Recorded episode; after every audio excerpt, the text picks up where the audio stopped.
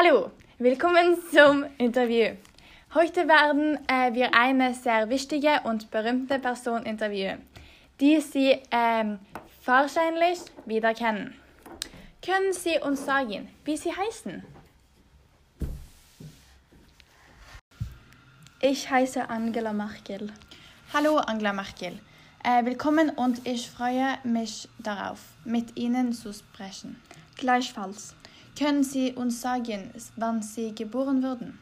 Ich bin in 1954 geboren. Wo bist du geboren? Ich bin in Hamburg geboren, in Deutschland. Hast du einige Kinder? Nein, ich habe keine Kinder. Kann, äh, kannst du ein wenig über dich sagen?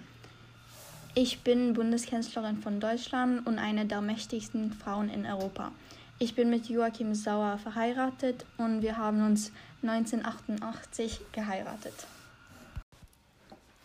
Wie ist es, Politiker zu sein? Politiker zu sein kann Vor- und Nachteile haben, vor allem als Frau.